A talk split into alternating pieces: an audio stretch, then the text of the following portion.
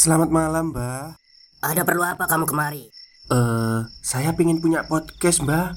Biar pacar saya makin cinta sama saya. Loh, loh, loh.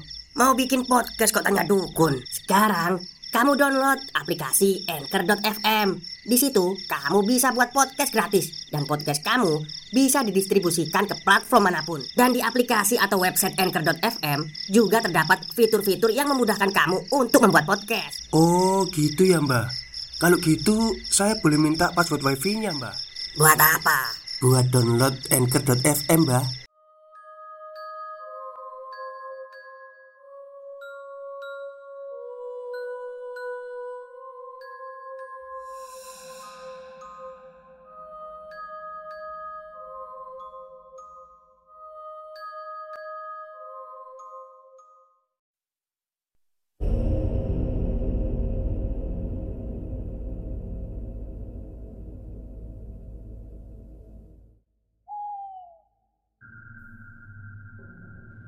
Assalamualaikum warahmatullahi wabarakatuh. Halo semuanya.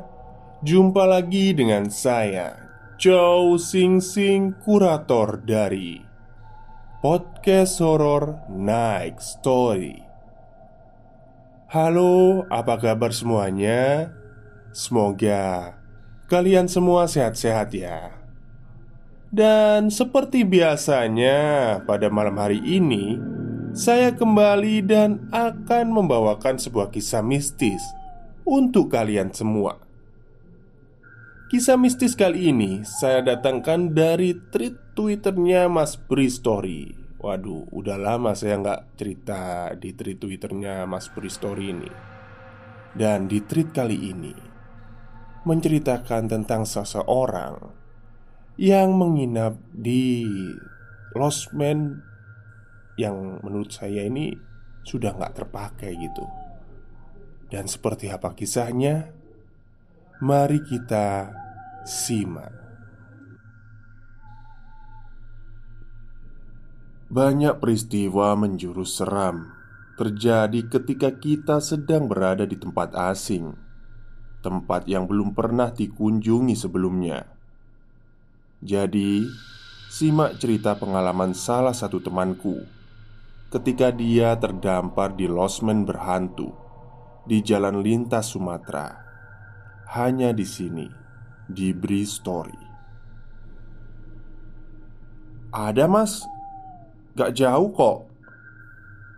Besar bangunannya pak, eh, nggak terlalu, tapi kamarnya lumayan banyak. Oh gitu, ya udah. Nanti saya ke sana deh pak.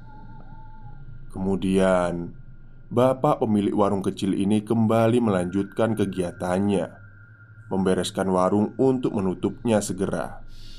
Aku adalah pelanggan terakhirnya. Setelah itu, aku mematikan rokok yang sebenarnya masih setengah, belum habis. Gelas bening berisi teh. Aku angkat dan menyeruputnya sekali lagi, karena memang menyisakan nyaris hanya bubuknya saja.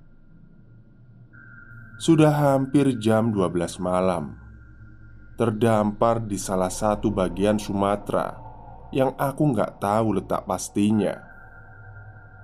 Jambi, kota yang aku tuju.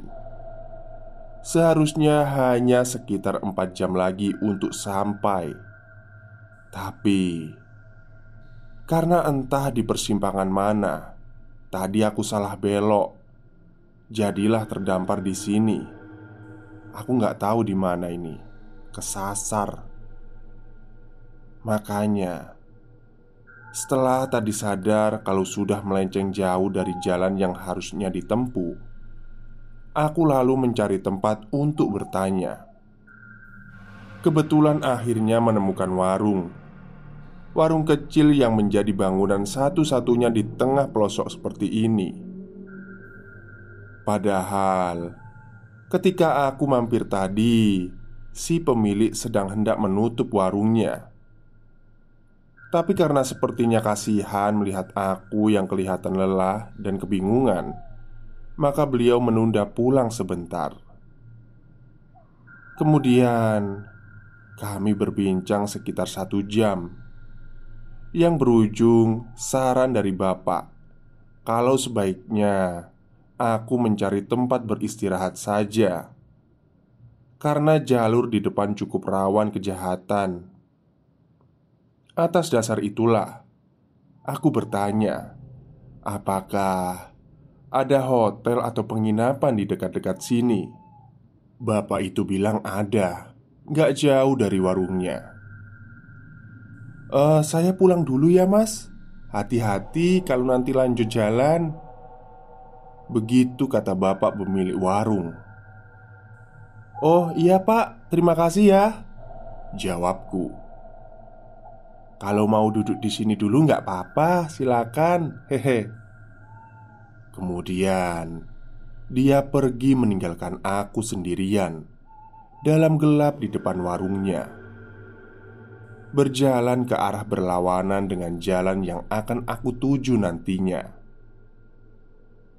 Beberapa menit setelahnya, aku benar-benar sendirian. Sekali lagi menyalakan rokok. Ah, sebatang lagi lah. Begitu pikirku. Aku memandang jalanan sepi dan kosong yang ada di hadapanku saat ini. Sepertinya, kalau nggak salah, sejak satu jam yang lalu, ketika pertama mampir ke warung, nggak ada satupun kendaraan yang terlihat melintas. Entah itu motor, mobil, atau kendaraan besar, nggak ada, kosong aja. Warung kecil ini letaknya persis di pinggir jalan yang sepi. Jalanan yang kanan kirinya hanya ada lahan kosong yang dipenuhi pepohonan, menyerupai hutan atau perkebunan. Sama sekali nggak ada bangunan di sini. Udara mulai terasa dingin tanpa hembusan. Namun, tetap sesekali menyentuh permukaan kulit. Merinding jadinya. Kali ini, rokok di tangan sudah benar habis. Lalu kumatikan dengan menginjaknya. Asap terakhir ku hembus dari mulut. Kepulannya lebih pekat dari kabut tipis yang mulai muncul. Ya sudahlah, Aku lalu berjalan menuju mobil Bermaksud untuk melanjutkan perjalanan Mencari losmen yang bapak pemilik warung tadi rekomendasikan Ya, akhirnya Aku memutuskan untuk beristirahat dulu saja Lalu melanjutkan perjalanan besok pagi Harusnya aku sudah terbiasa dengan kesendirian karena sejak dari Jakarta kemarin, malam memang sudah berkendara sendiri. Harusnya sudah terbiasa, tapi entah mengapa, menjelang tengah malam, kok sepertinya hawanya beda, aneh, dan aku nggak bisa menjelaskannya. Keanehan inilah yang membuat tekadku semakin bulat untuk mencari hotel atau losmen saja daripada kenapa-kenapa kalau aku memaksakan lanjut perjalanan. Sudah sekitar lima menit setelah meninggalkan warung tadi, aku sengaja menjalankan kendaraan dengan kecepatan sedang, nyaris pelan. Sedang seperti itu karena aku sambil mencari losmen yang bapak tadi maksudkan. Ah, tempatnya di ujung tikungan panjang sebelah kiri jalan. Agak gelap. Kalau meleng, bisa-bisa kelewatan nih. Aku ingat sekali kalau bapak pemilik warung tadi bilang begitu. Makanya, aku sangat awas memperhatikan sisi jalan. Keadaannya sama dengan di depan warung tadi Jalanan yang sedang aku susuri ini juga sangat kosong. Sepinya agak menggetarkan nyali. Gak ada sama sekali kendaraan yang melintas. Sesekali terlihat ada satu dua bangunan di pinggir jalan, tapi itu sangat jarang. Selebihnya pepohonan yang menyerupai hutan yang jadi pemandangan. Lampu mobilku jadi sumber pencahayaan satu-satunya. Jadinya, terang hanya ada di bagian depan saja. Kanan kiri gelap gulita apalagi di belakang. Sesekali aku melirik kaca spion, seram melihatnya. Gelap pekat membuatku was-was. Takut kalau tiba-tiba aku melihat sesuatu dari belakang. Ah, akhirnya aku menemukan tikungan panjang. Seharusnya pada ujungnya akan ada losmen yang bapak warung tadi maksud. Benar saja Tikungannya cukup panjang dan tajam Nyaris membentuk setengah lingkaran. Sudah cukup pelan Tetapi Aku sengaja mengangkat pedal gas sedikit lagi Supaya lebih bisa melihat menembus gelap di pinggir jalan. Hah, mana sih losmennya? Aku menggerutu karena nggak juga menemukan losmen itu. Padahal tikungan sudah terlewati. Di tengah-tengah pencarian, hujan turun rintik-rintik. Kaca mobil mulai tertutup air Jarak pandang yang tadinya sudah terhalang gelap jadi semakin pendek lagi. Tetapi beberapa belas detik kemudian, aku melihat ada sedikit cahaya lampu di sebelah kiri. Letaknya agak jauh dari jalan. Ah, itu mungkin ya. Lagi-lagi aku bicara sendiri. Benar, ternyata ada bangunan. Beberapa lampu kecil menerangi, membuat aku sudah bisa melihatnya walau belum jelas. Beberapa belas meter kemudian, aku melihat ada jalan kecil berbelok ke kiri. Jalan menuju bangunan yang mestinya itu adalah losmen. Lalu, aku berbelok ke jalan itu. Gak terlalu jauh. Mungkin hanya 30 meter. Kemudian Aku sudah bisa melihat cukup jelas. Setelah melewati gerbangnya Aku dapat melihat kalau bangunannya nggak terlalu besar Namun bentuknya melebar. Banyak pintu terlihat di sebelah kanan kiri bangunan utama Yang berdiri di tengah Sepertinya dugaanku benar. Ini adalah losmen yang dimaksud. Halaman parkirnya luas, sepertinya bisa menampung belasan kendaraan. Di bagian sebelah kanan, aku melihat ada dua kendaraan terparkir bersebelahan. Jaraknya masih terlalu jauh. Aku belum mampu melihatnya dengan jelas. Benar dugaanku. Ini losmennya Ada papan lusuh yang ukurannya Gak terlalu besar. Tergantung di dinding depan. Bertuliskan Losmen Melati. Setelah kendaraan sudah terparkir Aku lalu turun. Menuju lobi yang aku tebak letaknya ada di bangunan paling tengah. Hujan yang tadinya masih gerimis berangsur membesar. Aku jadi berlari kecil. Sambil terus bergerak, aku sempat memperhatikan sekeliling, lalu melihat kalau halaman losmen seperti sudah lama gak terurus.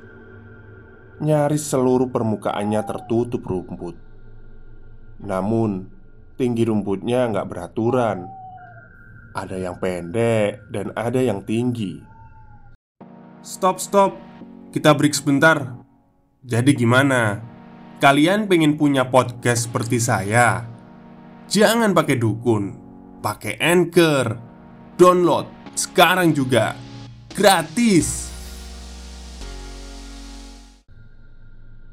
Pada beberapa bagiannya juga berserakan dedaunan kering. Ditambah guyuran hujan jadinya semakin gak indah dipandang. Ruangannya cukup besar Dengan lampu penerangan seadanya. Redup membuat aku harus mengernyitkan mata Ketika sudah menginjakkan kaki di teras depan lobi. Ya, benar. Ternyata lobinya memang di ruang yang aku terkas sejak tadi. Ada dua jendela kaca naku Memanjang ke bawah yang letaknya di samping pintu tertutup. Dari kaca naku ini, aku bisa melihat ke dalam, dan di dalam gak ada orang sama sekali. Hanya ada kursi sofa kulit panjang yang biasa kita lihat di lobi-lobi hotel. Ada juga meja yang ada di depan sofa. Setelah puas memperhatikan, Aku raih gagang pintu lalu membukanya. Eh ternyata pintu nggak terkunci. Derit suara engsel kayu terdengar memecah sunyi. Menandakan Kalau daun pintunya cukup berat. Atau Bisa jadi Bunyi itu timbul karena pintu sudah lama tertutup terus-menerus. Tapi entahlah Eh, permisi, Pak, Bu. Aku mencoba memanggil siapa saja yang mungkin sedang berada di ruangan belakang, karena melihat kalau di ruangan ini sama sekali nggak ada orang. Begitu juga di balik meja lobi, kosong. Meja lobi bentuknya menurutku cukup unik Meja kayu besar hampir setinggi dada. Bentuknya seperti meja bar Yang ujungnya sebelah kanannya melengkung. Pintu masuknya pun unik Menggunakan pintu koboi setinggi pinggang. Ruangan sebesar ini hanya diterangi oleh satu bola lampu Yang cahayanya sudah seperti hidup segan, mati tak mau Jadinya redup tapi, walau begitu, aku masih bisa melihat sekeliling. Masih bisa melihat ada barang apa saja di balik meja lobi. Ada lemari kayu besar berwarna gelap. Ada pintu juga di sebelahnya. Entah pintu menuju ke mana itu. Aduh, ini ada orangnya nggak sih? Aku menggerutu dalam hati Ketika sudah beberapa saat lamanya Gak juga ada muncul orang. Tiba-tiba Aku melihat sesuatu di pojok meja Dekat dinding. Di situ aku melihat ada lonceng kecil Lonceng dengan gagang kayu kecil Sebagai pegangannya.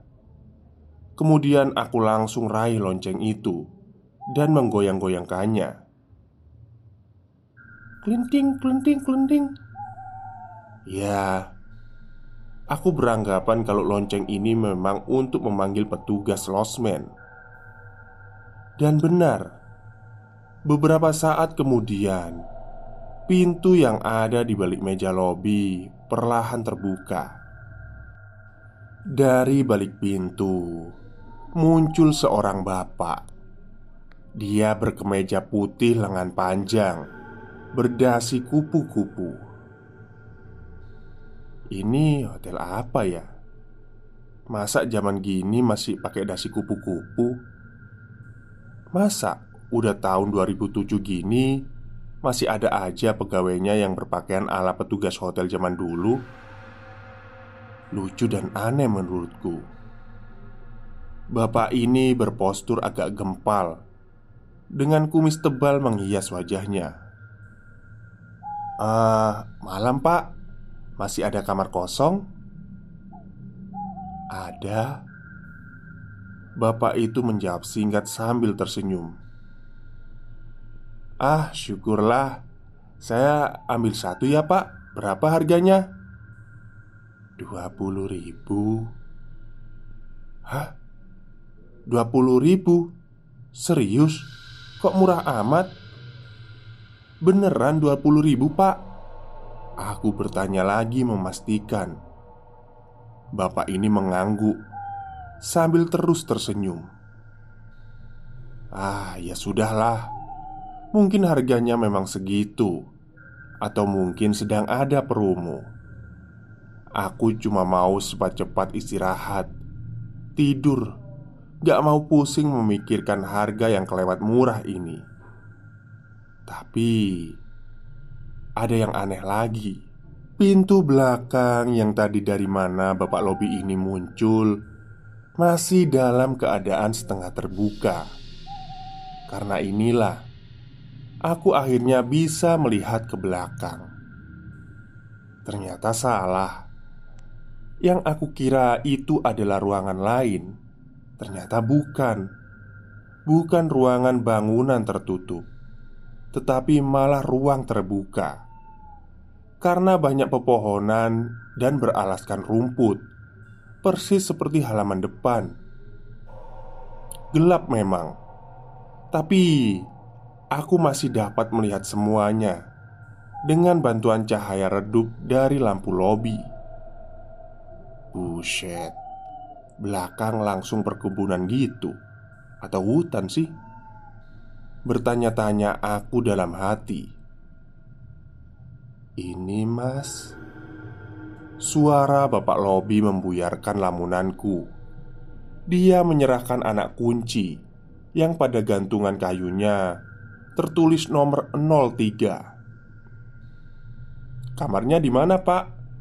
Tanyaku Bapak itu nggak menjawab Hanya memberi isyarat dengan tangan yang menunjuk ke sebelah kiri lobi. Baiklah, aku mengerti. Terima kasih ya, Pak. Lalu aku berjalan keluar menuju ke sebelah kiri. Sebelum masuk kamar, aku terlebih dahulu ke mobil untuk mengambil tas dan beberapa barang. Sementara itu, hujan masih turun Semakin deras malah. Nah, masih ingat kan? Dengan dua mobil yang tadi di awal aku ceritakan Yang parkir persis di paling sudut halaman. Kali ini Aku sudah bisa melihatnya dengan jelas Karena Letaknya nggak jauh dari kamar yang akan aku tempati. Sekali lagi Aku sedikit merasa aneh karena dua mobil itu merupakan mobil sedan tua. Mobil keluaran sekitar tahun 70-an Tapi kondisinya masih kelihatan cukup bagus, mulus dan mengkilat. Rupanya ada penggemar mobil antik di sini. Begitu pikirku. Ya sudahlah Aku gak memikirkan hal itu lagi Aku lalu membuka pintu kamar 03 Semerbak wangi bunga menyeruak tercium. Setelah aku sudah berada di dalam Entah wangi bunga apa aku nggak tahu. Berarti kamarnya bersih dan wangi banget nih. Gerutuku dalam hati. Tapi aku belum bisa melihat isi kamar dengan jelas Karena masih gelap maka dari itu, aku lalu mencari saklar lampu yang biasanya terletak nggak jauh dari pintu. Ternyata nggak ada. Aku nggak menemukan saklar lampu. Tapi masa iya nggak ada saklarnya? Nggak mungkin kan? Terus aku meraba dinding dalam gelap Namun tetap saja Aku tidak menemukannya. Sementara wangi bunga masih tercium. Semakin kuat malah ketika aku makin masuk ke dalam. Akhirnya aku menyerah. Kurai korek api gas yang ada di saku celana. Lalu aku menyalakannya. Seketika, ruangan menjadi sedikit bercahaya. Barulah aku bisa melihat isi kamar. Pantas saja, aku nggak menemukan saklar lampu di sini karena memang nggak ada lampu ruangan. Yang ada hanya lampu meja. Ada lampu meja yang bentuknya model lampu zaman dahulu dengan tutup kain berenda bermotif bunga. Aku lalu menyalakannya. Seketika Kamar 03 ini jadi nggak gelap lagi. Walau nggak terlalu terang. Ini hotel jadul banget sih. Masa lampu kamar masih mengandalkan hanya dari lampu meja? Sekali lagi Aku mengomentari keunikan losmen ini Ada dua kasur kecil di tengah-tengahnya ada meja kayu yang di atasnya ada lampu tadi. Aku lalu meletakkan tas di salah satu tempat tidur dan bergegas menuju toilet karena sepanjang jalan sudah menahan ingin buang air kecil. Toilet ukurannya cukup besar, tapi aku agak sedikit kesal karena ternyata lampunya mati. Gak bisa aku nyalakan. Tapi ya udahlah Karena sudah tidak tahan lagi Kemudian aku langsung buang air kecil. Dalam keadaan gelap Yang hanya mengandalkan penerangan dari lampu kamar Aku bisa melihat Kalau toilet ini juga bentuknya model lama Masih menggunakan bak mandi dan kloset jongkok Beberapa bagian dindingnya juga masih menggunakan batu alam. Ketika sedang buang air kecil inilah, samar aku mendengar sesuatu. Sesuatu yang tentu saja membuat aku penasaran. Aku mendengar suara dari belakang kamar, dari balik dinding kamar. Suara apa ini? Ternyata itu adalah suara orang yang sedang berbincang satu sama lain. Ada beberapa orang gak bisa mendengar dengan jelas obrolan mereka. Yang aku dengar hanyalah gumaman-gumaman dari kejauhan. Siapa mereka? Apa yang sedang mereka lakukan di belakang losmen? Tepat di atas kloset. Aku melihat Ada jendela kaca yang letaknya di dinding bagian atas. Dari jendela itu Seharusnya aku bisa mengintip keluar Melihat ada apa sebenarnya di belakang. Penasaran Aku lalu berusaha mencapai jendela itu Dengan menaiki bak mandi Sementara suara perbincangan itu semakin jelas terdengar, belakangan malah diselingi oleh tawa tertahan, bahkan cekikikan. Gelap yang masih terlihat hanyalah gelap, gak bisa melihat apa-apa. Ketika pada akhirnya aku sukses mengintip melalui jendela toilet, namun Aku belum menyerah. Terus berusaha mencari apa saja yang mungkin masih bisa kelihatan. Karena Suara perbincangan itu masih terus terdengar. Sampai akhirnya Beberapa belas detik kemudian Ketika mata sudah terbiasa melihat dalam gelap Pandanganku menangkap sesuatu Aku melihat ada empat orang yang sedang berdiri di bawah rintik hujan saling berhadapan. Jaraknya hanya beberapa meter saja dari tempat aku mengintip. Dua lelaki dan dua perempuan. Keempatnya mengenakan pakaian zaman dahulu. Pakaian model tahun 70-an.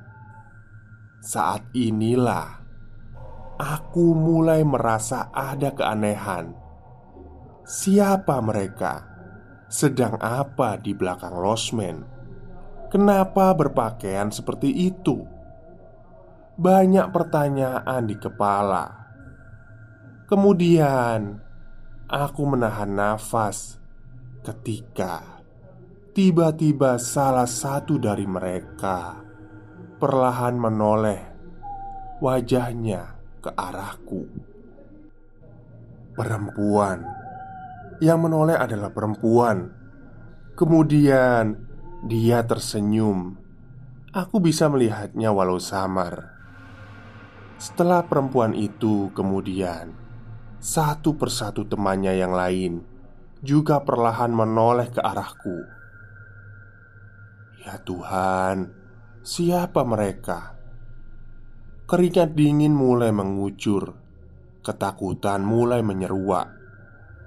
Aku semakin ketakutan Gemetar tubuhku ketika melihat adegan berikutnya Ketika keempatnya mulai berjalan bergerak Menuju pintu belakang Yang kalau aku nggak salah Mereka sedang menuju pintu belakang lobi losmen Yang membuatku semakin ketakutan Ternyata mereka berjalan bergerak melayang seperti kakinya nggak menyentuh tanah. Benar, mereka menuju pintu belakang lobi. Pandanganku terus mengikuti sampai mereka nggak terlihat lagi. Aku lalu turun dari bak mandi menuju tempat tidur. Ah, nggak beres losmen ini, ucapku dalam hati. Aku mengamasi lagi barang-barang yang tadi sempat aku keluarkan Berniat untuk pergi meninggalkan losmen Tapi Tiba-tiba Aku mendengar Ada suara lonceng Dari luar kamar Bunyinya persis seperti lonceng yang ada di meja lobi tadi Penasaran Aku mendekati jendela lalu mengintip keluar. Lonceng terdengar lagi dari kejauhan. Di luar, aku melihat empat sosok tadi. Mereka sedang berjalan bergerak melayang dari lobi menuju dua mobil tua yang parkir gak jauh dari depan kamar. Gemetaran aku menyaksikan semua itu. Bernafas pun Aku nggak berani. Lalu mereka masuk ke dalam mobil itu. Kemudian, mobil bergerak perlahan menuju pintu gerbang losmen. Beberapa saat setelahnya, dua mobil antik itu hilang dari pandangan. Entah tertelan gelap malam atau memang menghilang saja. Aku nggak tahu dan nggak mau tahu. Tiba-tiba bunyi lonceng terdengar lagi. Seram. Aku lalu mundur menjauh dari jendela. Aku harus pergi dari sini. Gerutuku dalam hati. Kurai tas dan barang bawaanku lainnya. Lalu berjalan menuju pintu.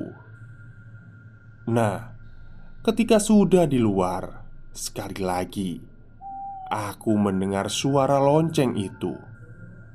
Refleks, aku lantas menoleh ke kanan, mencari sumber suara. Akhirnya, aku melihatnya. Memang ada seseorang yang sedang berdiri di depan lobi, sambil tangannya memegang lonceng kecil. Jarak lobi nggak begitu jauh Aku jadi bisa jelas melihat semuanya. Dia adalah bapak yang tadi aku temui di lobi. Bapak berkemeja putih, lengan panjang, dengan berdasi kupu-kupu. Dia berdiri diam dan sesekali membunyikan lonceng. Aku sangat ketakutan dan berlari menuju kendaraan, ingin cepat-cepat pergi meninggalkan losmen ini. Setelah sudah di dalam mobil, aku lalu tancap gas, pergi jauh-jauh. Kenapa aku begitu ketakutan? Kenapa aku terbirit-birit meninggalkan losmen? Karena aku melihat bapak berkemeja berdasi kupu-kupu itu berdiri tanpa kepala. Hai, cukup sekian cerita malam ini. Insya Allah, ketemu lagi minggu depan dengan cerita seram lainnya. Tetap sehat, jaga hati dan perasaan diri sendiri dan orang lain, supaya bisa terus merinding bareng. Salam Bri Story. Oke, itulah akhir cerita dari Lost Man berhantu. Treat dari Mas Bri Story. Ya, memang menyeramkan ya ketika kita sudah lelah di perjalanan Ingin beristirahat Namun ternyata Yang kita temui itu tempat peristirahatan yang angker Atau mungkin Lost Man itu sudah tidak terpakai lama hanya bangunan tua gitu. Ya, semoga saja saya dan kalian tidak mengalami hal seperti itu, ya. Dan saya juga nggak mau mengalaminya. Baik, mungkin itu saja cerita pada malam hari ini. Semoga kalian suka dengan ceritanya dan terhibur. Selamat malam dan selamat beristirahat.